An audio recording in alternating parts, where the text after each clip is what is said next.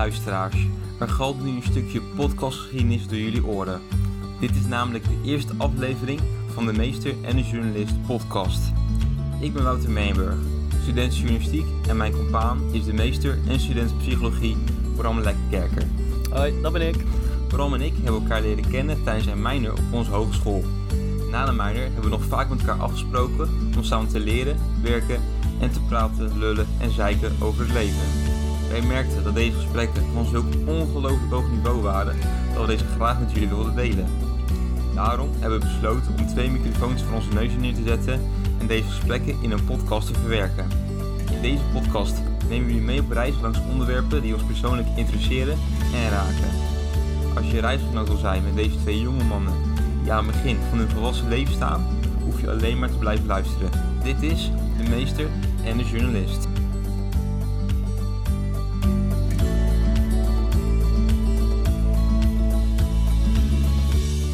Ik heb een, een dilemma voor je. Een heel belangrijk dilemma.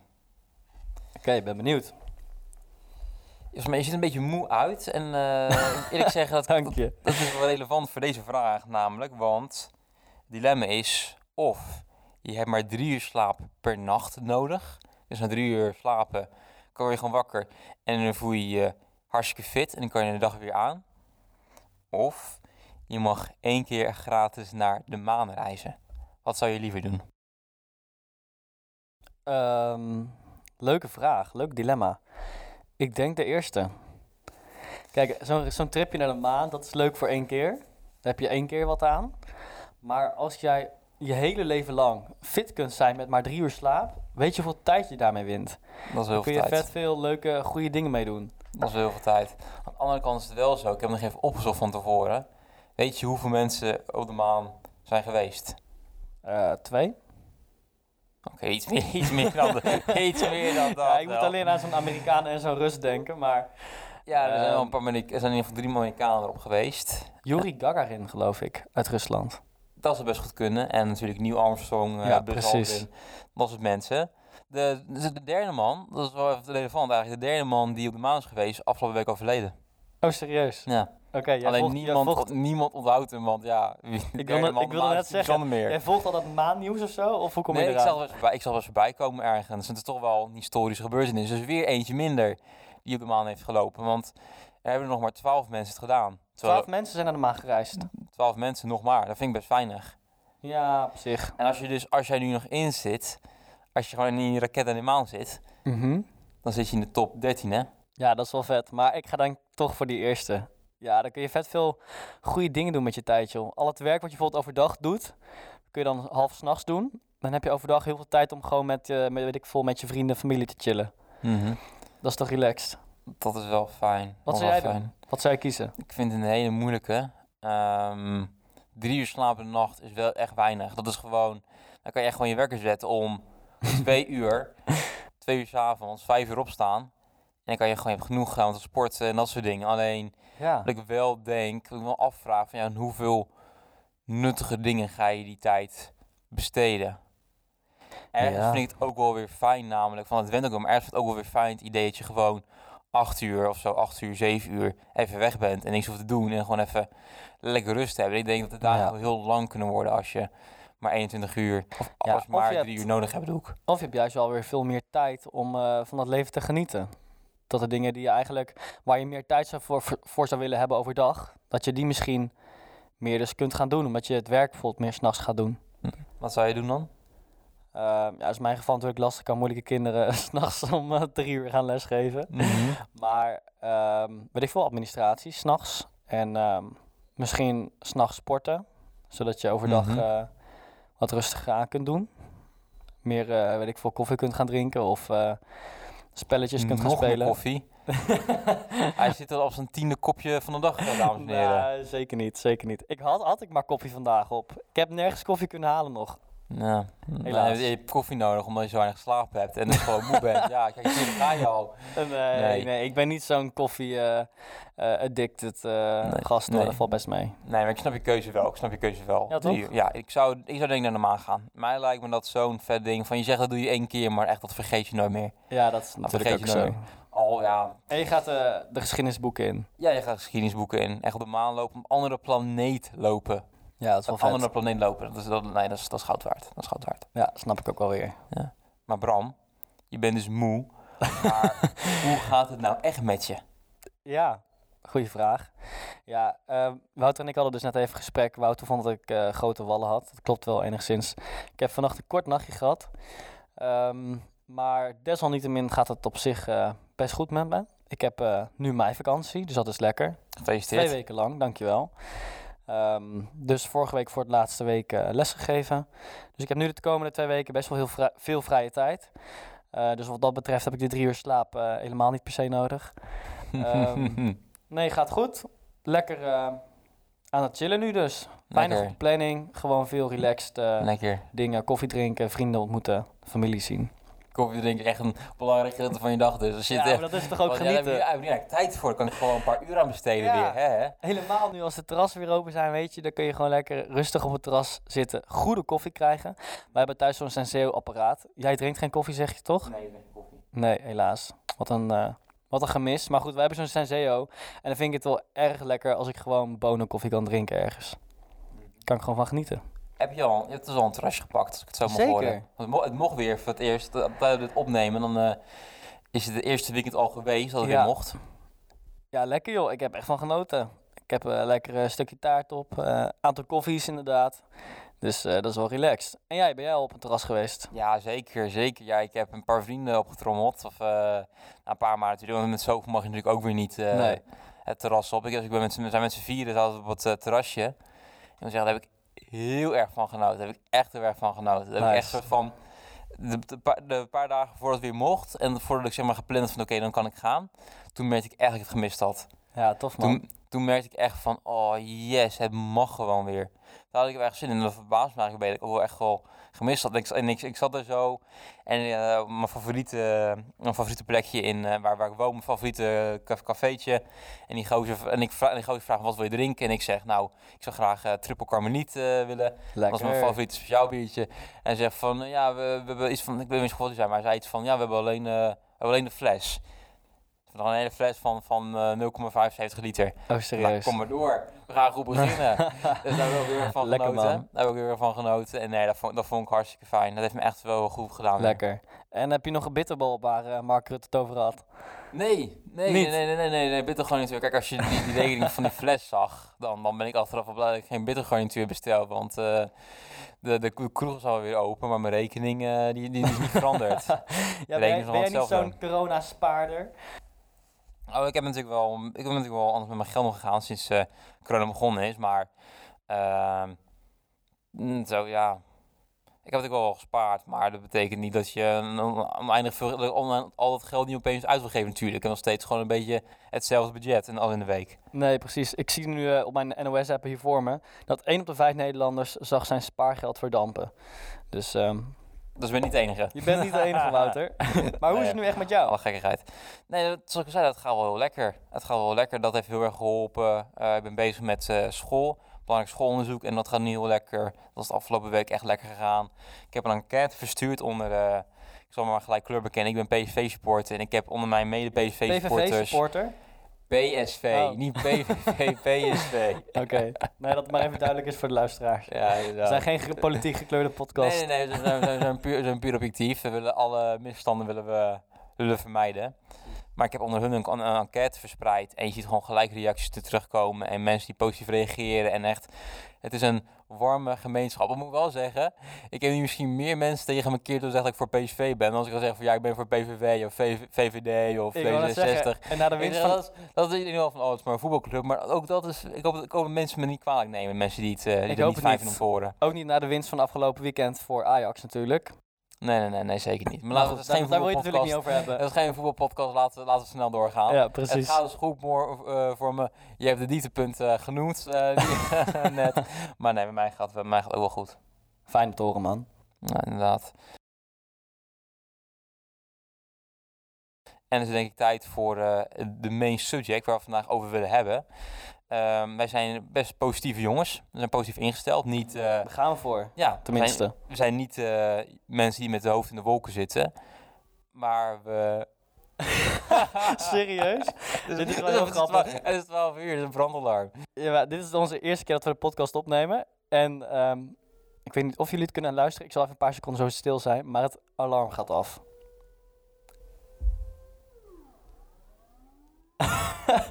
Eerste maandag van de maand. Je hoort het heel zo denken, maar ik denk even dat ik, eruit- dat, ik dit eruit knip. Nee, dit is leuk om te laten luisteren. Nee, nee, nee. Ik, Nou, we gaan ik, gewoon door. We eerst gaan door. verspreek ik me en daarna is het al van, en dan is het, oh, pauze. Dit, dit vreet alleen maar tijd op. Ik ga dit, ik ga dit eruit knippen. Nee, dan, de, mensen, de mensen kunnen alleen zich juist herkennen hierin. Dan denken ze, oh, het zijn gewoon normale mensen. Hierin. Oh ja, ik heb ook zo vaak een podcast opgenomen met, eh met een brandalarm achtergrond. Oh ja, die goede oude tijd. Want de kenbare jongens zijn dit zeg. Oké, we gaan door. Dit gaat eruit. Nee, dat gaat, blijft erin. nee, we, dis- we, we discussiëren hier straks nog wel even over. nee, dit horen ze niet. Dit is dus dat eh, laten we sowieso niet horen. Ik wacht even tot het ding voorbij is. Nou, Bram, we zijn aangekomen bij ons hoofdonderwerp van deze podcastaflevering. En eh, ik denk dat wij best positieve jongens zijn, toch? Nou, ik hoop dat mensen ons zo zien. Ja. Nou, ik denk, ik denk het wel. Ik denk het wel. We proberen het in ieder geval. We proberen positief te zijn. En dat is tijdens corona niet altijd makkelijk vanwege alle tegenslagen en veranderingen die we allemaal meemaken. Maar daarom hebben wij besloten om deze podcastaflevering even in teken te laten staan van de positieve punten van de coronacrisis.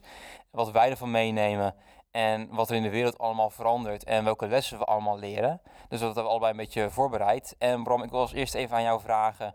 Vond jij het makkelijk om die punten op te schrijven? Om punten te bedenken van ja, dat heb ik echt geleerd tijdens deze crisis. Ehm, nee, vond ik niet per se heel erg moeilijk. Ehm, dat komt ook eigenlijk omdat ik sowieso over het algemeen wel een mindset heb waarvan ik denk, nou, in welke situa- situatie je ook zit, je hebt altijd wel dingen waar je van kunt genieten of waar je dankbaar voor kunt zijn. Lekker cliché, maar het is wel echt oprecht zo. Ehm, dus het geldt ook voor deze coronacrisis. En ik moet zeggen dat het mij persoonlijk wel veel heeft gebracht, deze crisis. Omdat het mij ook wel veel nieuwe inzicht heeft gegeven. Dus ik ben er eigenlijk wel ja, ik ben er ook vrij weinig mee geconfronteerd in mijn omgeving. Zijn weinig mensen echt heel ziek geworden of nou, dat ze naar het ziekenhuis moesten of iets dergelijks. Ehm, zelf ook geen corona gehad, dus het is bij mij in ieder geval niet zo dichtbij gekomen. Eh, alleen wat collega's, dat is natuurlijk wel vervelend. Maar in mijn privésferen is het, eh, is het weinig dichtbij gekomen. Heb ik eigenlijk ja, voornamelijk, hoe ernstig de crisis ook is, voor, voornamelijk positieve dingen eraan overgehouden. Ja, en precies zoals je zegt, van, die crisis, is natuurlijk ook heel ernstig. En alle doden en alle mensen die er last hebben gehad van corona, die of hun baan zijn kwijtgeraakt, of het anders, of die psychische klachten hebben gekregen, dat vinden we allemaal natuurlijk wel heel erg. En dat ontkennen we ook zeker niet. Maar aan deze podcast is gewoon echt even een punt om te kijken van nou, wat hebben wij geleerd, wat heeft deze crisis ons gebracht, of wat kunnen we eh, gebruiken om er nog meer van te leren, Bram. Ehm, en ik vraag me af, ja, wat, zou, wat jouw eerste punt zijn? Is dat, is dat dus wat jij net zei, van eh, ja, je leert de mensen om je heen heel erg waarderen, hoe cliché dat misschien ook klinkt? Dat is zeker ook een van de punten. Ehm, je hebt natuurlijk wat minder tijd wat je doorbrengt met, eh, met eh, ik zal maar zeggen, oppervlakkige contacten. Dus met je collega's of met, nu wil ik niet zeggen dat ik oppervlakkige contact heb met mijn collega's, want ik waar, waardeer als hen jullie luisteren, ook enorm. weer. Maar, eh, of met mensen in de trein, of weet ik veel waar je mensen tegenkomt. Dus je hebt wat meer doelgerichtere afspraken met mensen. Dus die worden ook wat kwalitatiever van aard. Tenminste, zo heb ik dat ervaren. Dat kan ik me voorstellen. Dus ehm, dat was een, een, mooie bijkomstigheid dat je elkaar echt wel weer gaat waarderen. Vriendschap en ook daar het nut van gaat inzien, de waarde ervan. Ehm, dus dat is zeker een groot eh, leerpunt uit deze crisis. En daarnaast, ik was voor deze crisis best wel veel aan het werk. Misschien zelfs wel een beetje overwerkt.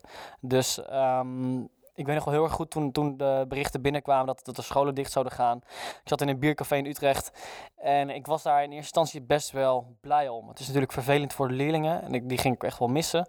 Alleen, ehm, het was voor mij wel even een, eh, een, een moment van rust wat op het goede moment eigenlijk kwam. Noodgedwongen pauze, soort van. Ja, ja, inderdaad. En ehm, dat voor mij wel weer even de tijd om dingen te gaan herijken. Of even, ja, weer eh, opnieuw soort van uit te vinden wat vind ik nou belangrijk en waar, eh, ja, waar doe ik sommige dingen nou eigenlijk voor.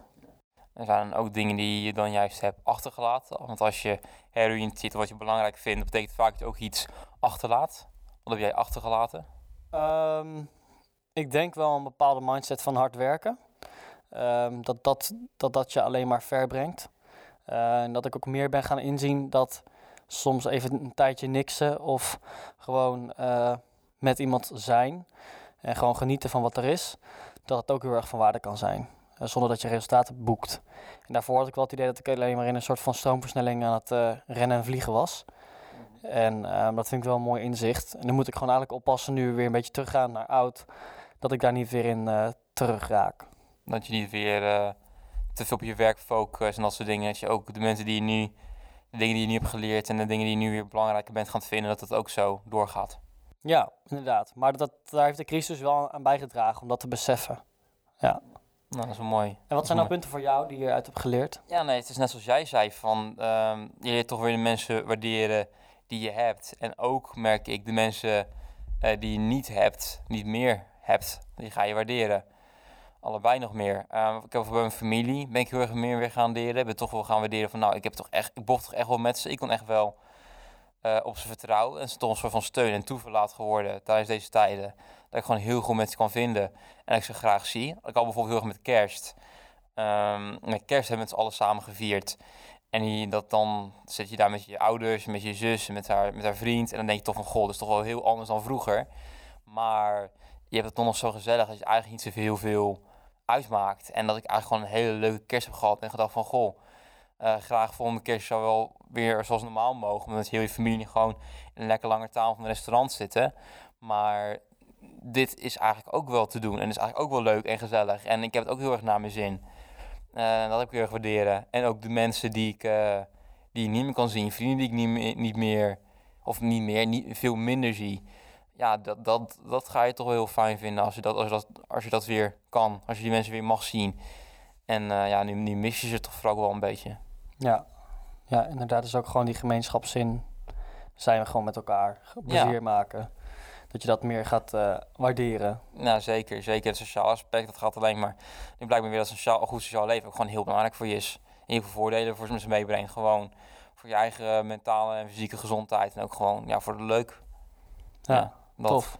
Dat. En eh, een ander puntje voor mij is me een beetje de zelfredzaamheid en voor jezelf kunnen zorgen. Tijdens een pandemie ben je toch ook wel heel erg op jezelf aangewezen. Want je zit heel veel thuis, je ziet veel minder mensen. Je kan niet meer naar je werk of naar je school toe. En dan merk je toch wel heel erg van oké, ik moet echt even voor mezelf zorgen om de dingetjes op orde te krijgen. Zeker in het begin dat zeg maar school en alles dicht is en je echt, echt niks kon. Gewoon echt die totale lockdown.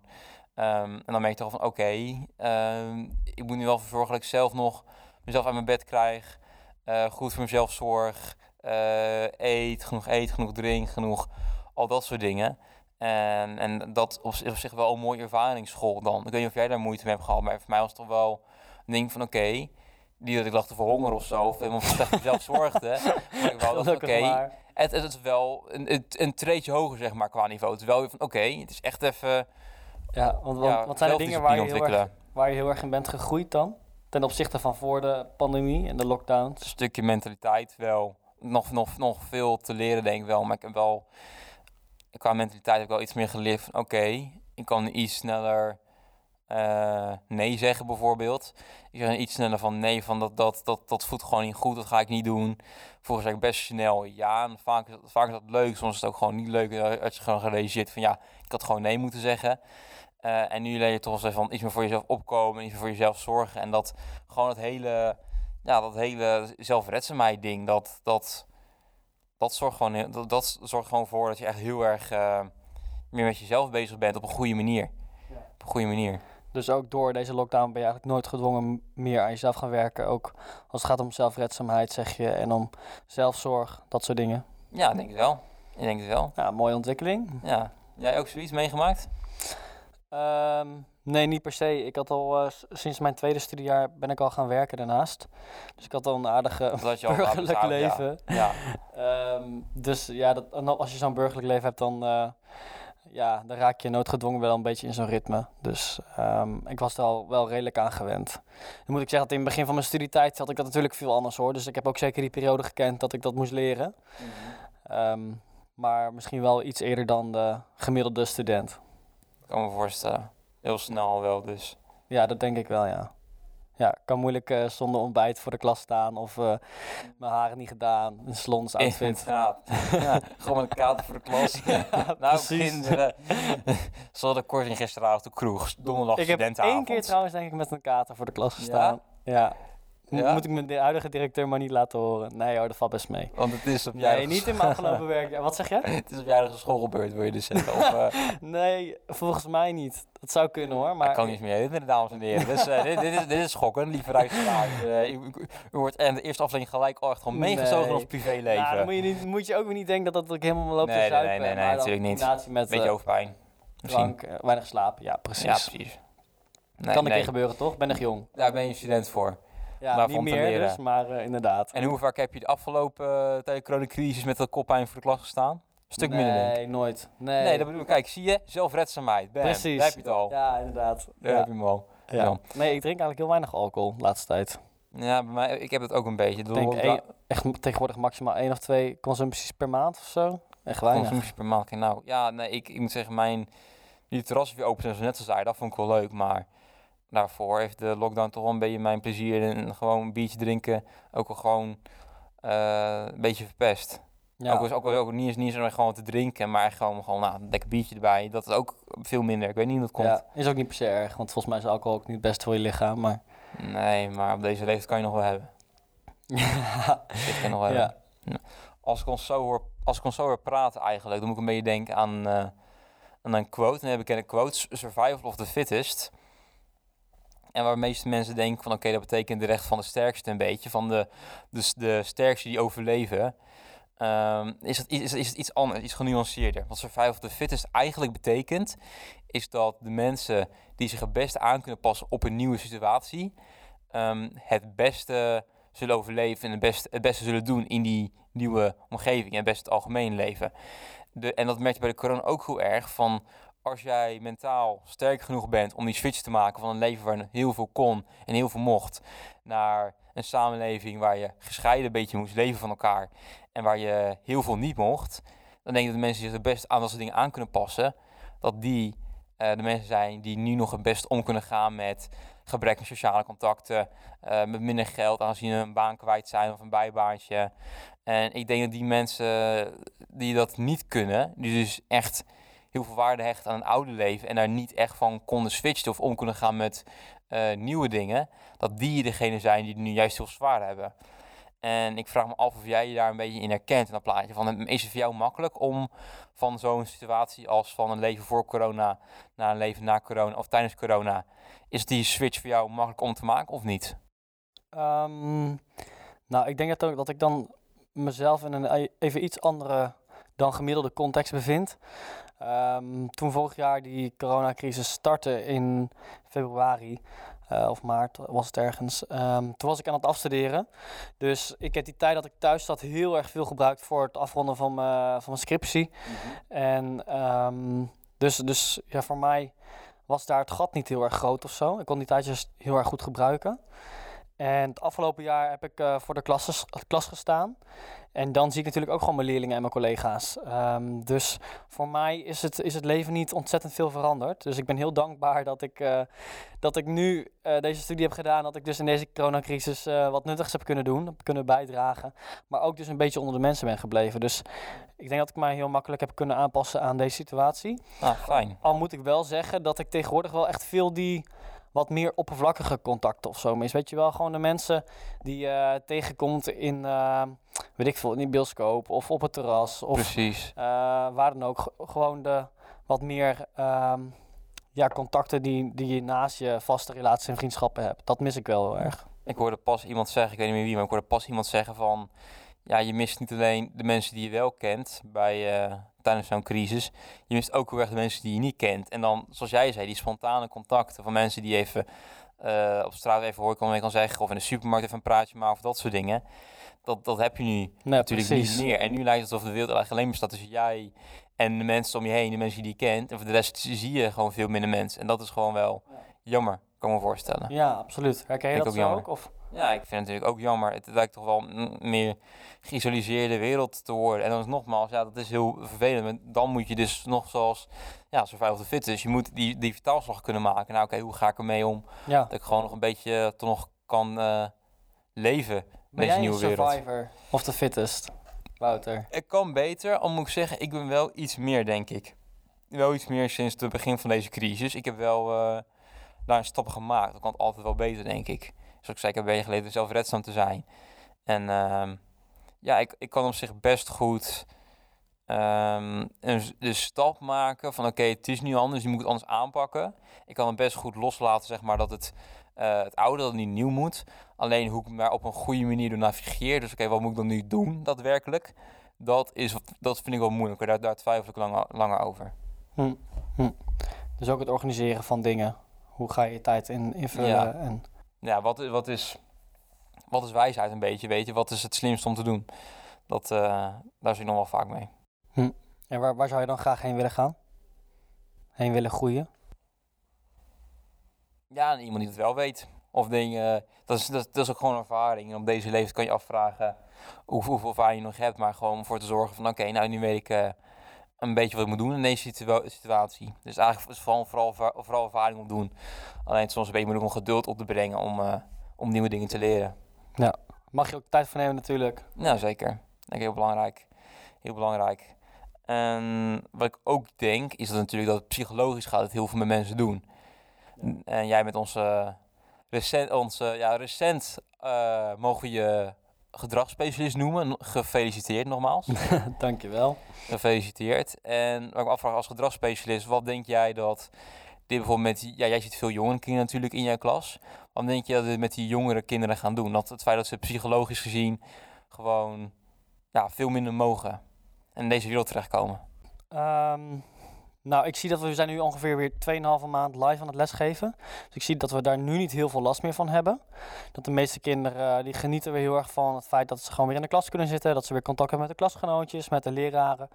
Ehm, en ze kunnen ook gewoon bij elkaar spelen. Dus hun, hun leefwereld is in die mate ook weer niet enorm beperkt. Ehm, maar ik zag tijdens de lockdown wel echt eh, wel een aantal kinderen die daar eh, flink last van hadden. Die ook daardoor bijvoorbeeld wat aanhankelijker werden richting ons als leraar. Ehm, en die daar ook echt wel veel mee zaten. Wij werken als school ook samen met externe deskundigen. En dan kun je denken aan een, bijvoorbeeld een orthopedagogisch centrum... waar kinderen komen die ehm, nou, last hebben van bepaalde dingen... of die in gedrag extra hulp of eh, aanbod nodig hebben. En van die externe instanties kregen we soms ook wel terug... dat die aanmeldingen echt wel flink waren gestegen tijdens de, de lockdowns. En dat er ook echt wel steeds meer kinderen aangemeld werden met depressieve eh, klachten. Depressie zegt, ja, zo'n jonge leeftijd. Ja, en dan heb je dus over de, de basisschoolleeftijd inderdaad. Dus dat vond ik wel, dat ik dacht, man, dat is wel heftig. Ehm, dus ik denk dat dat zeker zijn weerslag heeft gehad. Maar ehm, ja, dan hebben wij het eigenlijk op de basisschool nog hartstikke goed. Eh, dan denk ik vooral aan de, de, de tieners op de, op de middelbare school en op de, de Ja. eerstejaars studenten bijvoorbeeld. Ik denk dat die het veel zwaarder momenteel hebben. Ja, dat is geen leuk moment eh, als je bijvoorbeeld eerst dat je eerste jaar studie is. Ik vraag me echt Ja. af hoe het is, hoe goed je je klasgenoten kent en dat soort dingen. En of je goed in kan schatten of wat je leert iets voor jou is. Ja, ik, en ik heb voor, bijvoorbeeld vorig jaar groep 8 les gegeven. Het was een klas en die had echt wel flink behoefte aan, eh, aan het maken van nieuwe contacten, komen in een nieuwe groep. Ehm, was zelfredzaam nog niet, of was nog zelf nog niet echt super zelfredzaam, de meeste kinderen. Dus ze hadden echt nog wel begeleiding nodig. En dan denk ik echt, oh man, wat is er met die, hoe gaat het nu met de kinderen nu ze, nu ze op zichzelf toegewezen zijn en thuis zitten en amper eh, eh, fysiek contact hebben? Dan kan ik me daar wel zorgen om maken, ja. Dat geloof ik. Dat Ja. geloof ik. Meeste die zich zorgen maakt om student is wel, wel aardig om te zien. Wel aardig van jou om te zien dat je, Nou, dat je daarmee begaat. Laten we hopen dat het, eh, de situatie voor zichzelf zal verbeteren. En ehm, als we misschien naar iets oudere mensen kijken, hoe denk jij, wat denk je van nou, dit is echt psychologisch gaat het misschien wel een dingetje worden voor de rest van de samenleving? Ehm, nou, ik denk dat het ook afhangt van je eigen context. Ik denk wanneer jij ehm, vaste vriendengroepen hebt, vaste relaties, vaste vriendschappen, dat, eh, dat, die, eh, dat je dan elkaar er wel doorheen kunt slepen. Maar wanneer jij bijvoorbeeld nog niet hele sterke vriendschappen had, of er, of er weinig had, misschien nog veel thuis was, dan is zo'n ehm, zo'n lockdown misschien wel even wat heftiger. Dat je je nog meer in isolement voelt omdat je anders nog wel onder de mensen was. En nu wordt het dan wel heel erg ernstig duidelijk ehm, met wie je eigenlijk eh, in het leven staat. Dus Mhm. ehm, daar kan ik me wel zorgen maken om, om dat soort mensen. Of als wanneer je bijvoorbeeld een, een eerstejaarsstudent bent, die komt in een grote stad, die gaat studeren. Het was natuurlijk nog best wel oké in september. Ja. En eh, op een gegeven moment komt die lockdown en je ehm, hebt nog helemaal geen netwerk kunnen opbouwen. Dat soort dingen. Ehm, dus ik denk dat daar ja, toch echt wel tieners en, en jongvolwassenen zijn die zich eh, enorm eenzaam kunnen voelen. Dat geloof ik. Dat geloof ik. Nou, dat is, dat is heel vervelend om te, om te horen. Laten we hopen dat als mensen... Ja, ja, laten we hopen dat, dat het allemaal meevalt. Maar ehm, ja, ik hoop dat, dat wanneer we straks weer open gaan, dat, dat dat flexibel genoeg is dat het zichzelf straks dan weer oppakt. Nee, eens. Eens. Ja, als, als journalist zijn, dan kijk je natuurlijk ook een beetje naar de samenleving. Eh, dat is een beetje deel van het vak. En dan kijk je ook naar hoe, ja, wat verandert eigenlijk? Hoe, hoe gaat de wereld hiermee om? En ik vond het wel leuk om over na te denken van dan wat zijn dan de veranderingen die eh, deze crisis met zich meebrengt. En ik denk wel dat het nog mee gaat vallen. Ik denk als je misschien midden in een crisis zit, dat je dan heel erg denkt van, goh, dit gaat heel veel, ehm, dit gaat echt heel veel met zich meebrengen. Dit gaat heel veel veranderingen met zich meebrengen. Zoals zeker in het begin van de crisis dacht allemaal wel van, oké, dit is, eh, dit gaat nog, toen het echt bleek dat het echt ernstig was en echt lang ging duren, toen dachten we ons misschien wel van, oké, ik ben benieuwd wat voor veranderingen gaan plaatsvinden. Maar ik denk dat het eigenlijk wel meevalt. Ik denk niet dat de wereld zich heel erg gaat veranderen. Ik denk als het allemaal voorbij is, al dan teruggaan een beetje hoe het uitzag in 2019. Ehm, ook als bijvoorbeeld kijken naar de dingen die misschien zullen veranderen, zoals thuiswerken. Thuiswerken is iets waar ik veel van hoor van, nou dat zal veel gaan veranderen, maar ik denk dat dat wel meevalt. Ik denk dat wel alweer mensen thuis zullen werken en via Teams of Skype of Zoom eh, zullen gaan vergaderen, meer dan voorheen. Maar ik denk als jij in een, kantoor werkt, dat je één sociaal aspect, ik denk dat jij als gedragspsycholoog daar misschien met me eens met me zal zijn, eh, als sociale aspect is belangrijk voor een bedrijf. En ook als jij bijvoorbeeld met cliënten werkt of hoger op kan komen in je, in je, in je werk of eh, gewoon ehm, vaak met andere, de band met collega's heel belangrijk is, dan is face-to-face gewoon veel belangrijker. Ik denk eh, als jij een Zoom-vergadering hebt, ik denk dat dat veel minder een band creëert met anderen dan dat je zou denken. Dus ik denk dat thuiswerk misschien nog wel plaats zal vinden, maar ik denk wel een stuk minder, omdat het gewoon het echte sociale face-to-face aspect, dat moet je zeker niet onderschatten. Nou, grappig, ik moet denken aan, dat, aan het begrip huidhonger. Ik weet niet of je dat kent. Het is een beetje eh, eigenlijk een begrip dat meer stamt uit het begin van de crisis. Dat eh, heel veel mensen die verlangden naar eh, gewoon fysiek contact. En ik denk dat dat ook zo geldt voor collega's. Niet in, in die mate waarop, eh, waarop het begrip... ehm, ehm, ja, eh, hoe zeg je dat? dat? Dat begrip huidhonger heeft natuurlijk ook met liefde te maken. Dat heb je natuurlijk niet bij collega's. Tenminste, ga ik niet vanuit. Daar ga je niet Eh, uit. Maar ik Hij weet nog niet zeker. Nee, dat is waar. Maar ik, inderdaad, ik denk ook dat dat op, op je werk gewoon zo nodig is. Dat je elkaar gewoon fysiek kunt zien. Dat je dingen met elkaar kunt delen die ook niet te werk gerelateerd zijn. Dat je elkaar in de ogen kunt kijken. Ook die non-verbale dingen zijn zo belangrijk voor die gemeenschapszin. En dat kan ook juist heel motiverend werken voor je werk. Ehm, hoewel ik wel denk dat er ook wel een bepaalde, bepaalde mate van hybride werken eh, blijft bestaan hoor. Dus inderdaad en op je werk en af en toe thuis. Ehm, want er zijn ook genoeg beroepen waarbij, ehm, waarbij dat prima kan en waarbij mensen dat waarschijnlijk ook heel erg fijn vinden. Ik heb bijvoorbeeld, Denk ehm, ook. als ik in mijn appartement door mijn raam kijk, dan kan ik precies een huis achter mij zien eh, van zo'n gezin. En daar eh, werken beide ouders thuis. En ehm, die man zie ik lekker tijdens de lunch naar beneden lopen. Of s smiddags eventjes een potje voetbal spelen met, met zijn zoontje. En volgens mij, als ik het zo goed bekijk, dan eh, zijn zij wel echt aan het genieten. Dus er zullen ook wel gezinnen zijn eh, die, als ze daar gebruik van kunnen gaan maken, dat zeker zullen doen, denk ik. Ja, moet misschien wel zijn leaseauto inleveren, omdat hij toch alleen maar thuis zit. Maar voor de rest is hij wel, eh Ja, hij wel naar precies. zijn zin. Dat wel. Ja. Ja. Nee, dat is, ook, dat is wel nog een goed punt wat je zegt. Want ik moet dan denken bijvoorbeeld aan gezinnen met twee verdieners. Dus ouders die of fulltime werken, of die waarvan de een minstens die dagen werkt, de ander fulltime. Ehm, die gaan dan misschien wel voordeel hebben van het feit dat eentje gewoon thuis kan blijven. En eh, als er was gedaan moet worden, even op de zolder de wasmachine kan stoppen en dan terug kan gaan eh, naar zijn laptop aan het werk. En ik denk dat dat voor kinderen, mensen met kinderen, dan denk ik misschien dat het een stuk moeilijker gaat zijn. Dat we misschien ook nog een kind in de gaten moet houden. Maar ja, ik denk dat je op die, op die manier kun je er wel groot voordeel van hebben. En het is natuurlijk een soort van vooruitgepusht nu. Van, eh, Ja, gedwongen, een groot experiment. ja. Ja. het is zo'n groot, experiment. En over een groot experiment gesproken, is er nog, is nog een andere eh, verandering die ik denk dat we wel wat, echt van gaan, wat gaan merken. En dat zijn het soort vaccins die we nu gebruiken om corona te bestri- bestrijden. Eh, normale ja, vaccins of, of prikken, die, eh, die werken op een, op een andere manier dan deze vaccins. Die werken op zo'n manier dat je een stukje van de ziekte in je huid krijgt. En dan, ehm, Dit moeten we even onze luisteraars vertellen wat hier gebeurt. Ja, het zijn even, even mensen, even sorry voor de stilte net, maar er wordt hier, het gebouw wordt opnemen, er gebeuren allemaal rare dingen en er worden rolluiken naar beneden geduwd. En ik, ik vrees een beetje, ik vrees een beetje dat, de school, dat, dat het gebouw dicht gaat terwijl wij er nog in zitten. Maar we nemen eerst nog even de podcast op, toch Bram? Ja, zeker, zeker. We geven onze lieve luisteraars eerst waar ze recht op hebben. Dat is gewoon, eh, dat is gewoon een volledige podcast. Ja, Dus ik- precies. Ik zag hier een, enig angstig, eh, beangstigende eh Wouter voor me, maar volgens mij is hij weer eh Ja, we moeten, misschien, we moeten hier misschien wel overnachten, Bram, maar dat komt helemaal goed. maar goed, waar, waar was ik? Jij Oh, was ja. net een intelligent verhaal over eh Dank je. Dank je, dank je. Ja, heel interessant verhaal.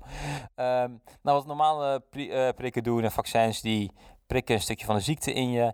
En dan en zo'n klein schadelijk, onschadelijk sorry, gedeelte. en dan, Dat zou wat zijn, hè? dat zou zijn ja me- mevrouw, dit, is- dit kan niet fataal worden, deze prik, maar jullie- weet je, we gaan het gewoon proberen. Ik bedoel, je bent toch al 90, maakt uit. Eh, dat is een grap, dat is een grap, dat is een Ik grap. sta hier niet achter. Dat is een grap, dat is een grap. Ga eens een verhaal vertellen. maar, dus, oké, dus dan prik je een stukje van die ziekte in en dan kan je lichaam zich eh, leren tegen, dat, eh, tegen die ziekte te verdedigen. Bij mRNA-vaccins, en zo heten de vaccins die nu ontwikkeld zijn voor corona, die doen dat niet zo. Die ehm spuiten een stukje genetische code in je. En daardoor kan je lichaam een proteïne aanmaken. En door die proteïne ehm, leert jouw lichaam zich te verdedigen tegen corona. Dus die spuit niet de ziekte in je, maar die spuit de informatie in je lichaam, zodat hij een speciaal proteïne aan kan maken om dat te bevechten. En dat is een vrij revolutionaire techniek. Het is nog nooit op deze schaal, er zijn nog weinig vaccins op deze schaal eh, eh, uitgeprobeerd. Maar op deze schaal is het echt een hele goede testrun om te kijken of dit succesvol te zijn. Het is nog een beetje spannend, want echt de lange termijn effecten, die weten we volgens mij nog niet. De meeste autoriteiten hebben dit vaccin wel goedgekeurd en verwachten geen lange termijn effecten. Maar het is wel een heel spannend moment voor dit vaccin, voor deze techniek, om te kunnen kijken van nou, als deze werkt, zijn er nog veel meer andere ziektes waarop het kunnen werken. Zou het bijvoorbeeld met ebola net zo kunnen werken? Dat creëert elke keer als het terugkomt, creëert nog echt vele slachtoffers. Voornamelijk in de armere landen zoals eh, Afrika, of continent als Afrika bedoel ik. En dan armere landen die daarbij bij horen. Dus misschien dat dat wel een groot voordeel kan zijn voor de, voor de technologie, voor de medische technologie. Ja, ik moest net even lachen, want Wouter zit hier als, als een een of andere professor echt ongelooflijk vurig zijn eh, betoog te houden. Veel, veel nuttige info te gebruiken. Ook wel echt interessant is. Maar ik denk wel dat je gelijk hebt. Omdat die noodzaak voor het ontwikkelen van zo'n vaccin gewoon ongelooflijk groot was. Dat, dat eigenlijk de verschillende wereldleiders gewoon hun koppen bij elkaar hebben gestoken. Tenminste hun experts. Ehm, en dat die technologie veel sneller op gang is gekomen dan in eerste instantie ehm, verwacht werd. Dus ik denk zeker dat het een soort van. Ja, dat deze crisis als een soort van katalysator heeft gewerkt ehm, voor de ontwikkeling daarvan. Dat denk ik ook, dat denk ik ook. En jij zegt ook een goed punt van laten we hopen dat de wereldleiders eh, wel vaker misschien... eh, dit, gebe- dit, is zoiets mogelijk als je echt samenwerkt. Moet ik zeggen, dat samenwerking niet altijd soepel verlopen. Maar we hebben wel, eh, we hebben wel een vaccin vrij snel uitgekregen die niet overal gedistribueerd wordt. En zo heb je een globale pandemie toch al... Begin je, als je kijkt naar landen waar het goed waar, het- waar, de, waar veel gepikt wordt, zoals in Engeland en Israël... Dus daar dalen die besmettingscijfers ontzettend. Dus het is toch aan de andere kant best knap hoe snel we dat geregeld hebben allemaal. Ja, dat is zeker zo. Als je kijkt naar de, naar de pest bijvoorbeeld een paar honderd jaar geleden, dan is dit even wat sneller onder, de, be- onder controle. Ja. Ja. Toen deden Mark Rutte en Hugo de Jonge toch een stuk minder, moet ik zeggen. Wat zeg je? Toen deden Mark Rutte en Hugo de Jonge toch een stuk minder, moet ik zeggen. Ja, dat is één ding wat zeker is. Ja, dat denk ik ook. Dat denk ik ook. En voor de rest, vooral wat is er van, ja, dat is vooral heel abstract, denk ik. Dat zul je als de gewone man op de straat niet zo heel snel zien. Dan denk ik aan de overheden die, ja, die toch wel heel diepe zakken heeft, die niet moeten legen. Eh, ze hebben meer geld geleend. Economische verhoudingen onderling misschien een beetje ja, opnieuw, eh, opnieuw geshuffeld. Een beetje veranderd. Maar er zijn meer dingen die nog, nu nog moeilijk zijn om te zeggen. En ehm, ja, waar, we pas over een paar jaar over kunnen denken. Maar echt ingrijpende verandering van het straatbeeld en hoe we ons gedragen als maatschappij. Ik denk eigenlijk dat mensen vrij snel weer teruggaan naar het, het oude normaal. Ja, wel grappig dat je dat noemt. Ik was afgelopen weekend dus eh, ook op, eh, in de stad en liep ik zo langs de terrasjes. En ehm, het was natuurlijk gewoon een half jaar geleden dat die eh, terrassen open waren. Eh, maar ik liep er zo doorheen en eh, als ik toen ik er zo naar keek, dacht ik ook echt, dit voelt gewoon als gisteren. Dus je bent al zo snel weer gewend aan dat, aan dat beeld en aan je gedragingen.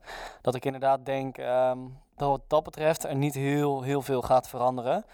Ehm, wat natuurlijk wel goed is om te vermelden, is dat er wel, denk ik, een, ehm, een tweedeling daarin is, is te noemen in de maatschappij. Hè. Kijk, eh, mensen zoals ik uh, hebben het gewoon heel erg, is het gewoon heel erg goed getroffen. Dat ligt niet aan mij, maar het ligt gewoon aan, aan de context waarin ik mij begeef. Maar ik ben er ook heel goed van bewust dat er ook mensen zijn die uh, wel zwaar zijn getroffen door deze crisis. En die daardoor wel op lange termijn nog effecten zullen ja, ervaren daarvan. Dat is natuurlijk wel gezondheids, gezondheidsdingetjes waarvan we nu nog niet weten hoe, we weten niet hoe lang mensen echt naslepen. Ja, of financieel of, eh, of wat, wat voor vlak dan ook, sociaal-emotioneel. Um, dus um, ik denk dat daar wel verschillende uh, uitwerkingen in zijn over een tijdje. Inderdaad. Verschillen tussen mensen. Inderdaad, daarom ben ik ook dankbaar. En als we deze podcast hebben gemaakt, dat er, dat er lessen zijn die we kunnen trekken uit, uh, uit, die moeilijke uit deze moeilijke periode. En doe je dan op de vraagstukken die naar boven zijn gekomen door deze crisis? Of? Nou ja, meer, gewoon meer persoonlijk wat we net hebben opgenoemd. Dat we toch een paar dingen hebben geleerd. Een paar nieuwe inzichten op hebben gekregen. En zoals ik zei, ja, misschien dat dat vaccins en thuiswerk voor veel mensen toch tot een uh, voordeel gaat leiden. Ja. ja, inderdaad. Dat zouden mooie lessen zijn. Maar ik denk daarnaast dat er zijn natuurlijk heel veel vraagstukken die naar boven zijn gekomen door middel van deze crisis.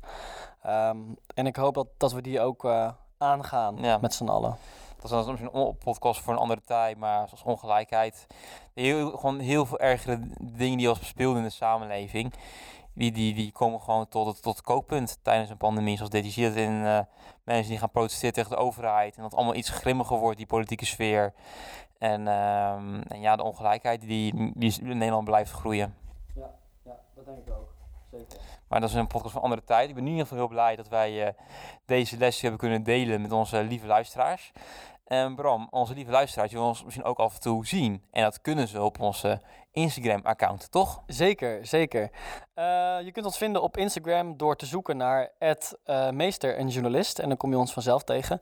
Mocht je nou wat meer informatie willen horen of willen zien over onze geweldige host Wouter Meijenburg, uh, zoek dan eventjes op Wouter Meijenburg oh, 2000. Okay. De privacy wordt gelijk geschonden. Het is niet te geloven. Ja, precies. Dus hè, dan kun je daar informatie zoeken. Ja, inderdaad. inderdaad. Als, je, als, je, als je het echt heel graag wil. Ons, ja, ons kun je vinden op de meeste en de journalist. Dan kan je foto's van ons verwachten. Dat wil iedereen zien. Uh, teasers voor komende, op komende aflevering misschien. En je kan ook een suggestie doen. Precies. Wij gaan vast wat polletjes maken. Maar je kunt ook ons een DM sturen. En dan uh, kijken we of we wat uh, mee kunnen gaan doen. Zeker, zeker. Dan wil ik je in ieder geval bedanken voor je tijd, Bram. En luisteraars voor het luisteren. Ik zie je graag volgende, volgende keer weer met een nieuw onderwerp en een nieuwe yes. lessen. Leuk man, dankjewel. Hoi hoi, fijne dag nog. Groetjes. hoi. hoi.